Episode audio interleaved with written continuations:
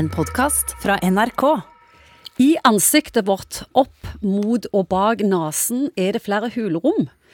Jeg vet ikke hvor mange, men de finnes der og kalles bihuler. Ganske mange av oss har hatt betennelse i disse, og Morten Munkvik, først av alt, hva i all verden er bihuler? Hva gjør de, og hvorfor er de der? Det første svarte du på. Det er sånne luftfylte uh, hulrom i skallen som er i tilslutning til uh, nesen. Hvorfor trenger vi hulrom? Nei, hvorfor trenger vi hulrom? Det, altså, det er et kjempegodt spørsmål. Hvis vi hadde kunnet bli kvitt de hulrommene, så hadde vi for det første ikke hatt bihulebetennelse, og for det andre hatt bedre plass til hjernen og blitt enda smartere. Sånn at eh, Noen mener at det har med klangen i stemmen å gjøre, men jeg tror mennesker hadde klart seg veldig godt uten den klangen.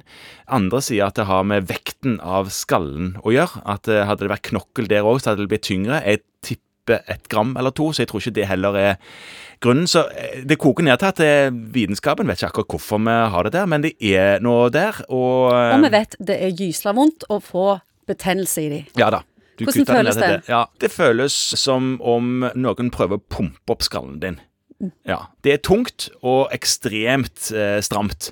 Trykket blir så høyt at man er redd for at det skal enten sprekke opp, eller at tennene skal sprette ned. Så det var tannverk? Man kan ha tannverk, man kan ha øyeverk, fordi at bihulene ligger både i tilknytning til overkjeven og til øyehulen, og i pannen. Som at vanligvis så vil den som har bihulebetennelse si at det er dritvondt om en lar hodet henge ned mellom beinene, fordi at det øker trykket så betydelig. Hvorfor blir de betente?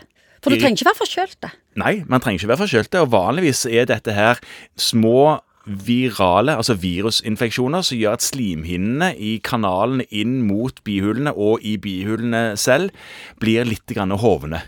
Og når en veldig tynn kanal blir hoven, da kan resultatet bli at den stenges av. Og når den stenges av, og bihulene hele veien produserer litt grann væske, så vil trykket fort øke inni der, uten at den væsken har noe plass å gjøre av seg. Så kommer de til deg. Ja, det handler jo veldig ofte om å forklare de det vi har snakket om nå. Det der er ingenting nytte av å hive antibiotika på denne betennelsen. 20% av de som eh, Av all resepter på antibiotika i USA er pga. bihulebetennelse. Ja, sant? Og det er mange det er enormt. Ja, enormt. Og de fleste av de, aller, aller fleste av de, skulle aldri hatt antibiotika. Hva gjør du de? Ja, Jeg gir de det som vi kan kalle slimhinneavsvellende medisin. Altså som gjør at slimhinnene skrumper inn igjen. Så sånn, det blir bedre plass? Ja, sånn at det blir bedre plass, og det trykket har noe plass å gjøre av seg. Sånn at det som skal ut, kommer ut. Da kan du få tabletter, eller du kan få sprayer. Er det noe pasienten kan gjøre sjøl? Ja, det går an å bruke Otrivin i korte perioder. Det er jo et kjempegodt slimhinneavsvellende medisin som en kjøper uten resept. Problemet er jo at eh, noen blir så glad i det at de bruker det i lang, lang, lang tid. og Det er et problem. For da må slimhinnene ha dette for å holde seg slanke, og hvis du slutter, så, ja, så vokser de opp igjen. Og så går det òg an å spraye med saltvann for å um, løse opp og skylle ut det som skaper trykket og smertene. Det hjelper for enkelte. Du har hørt en podkast fra NRK. Hør flere podkaster og din NRK-kanal i appen NRK Radio.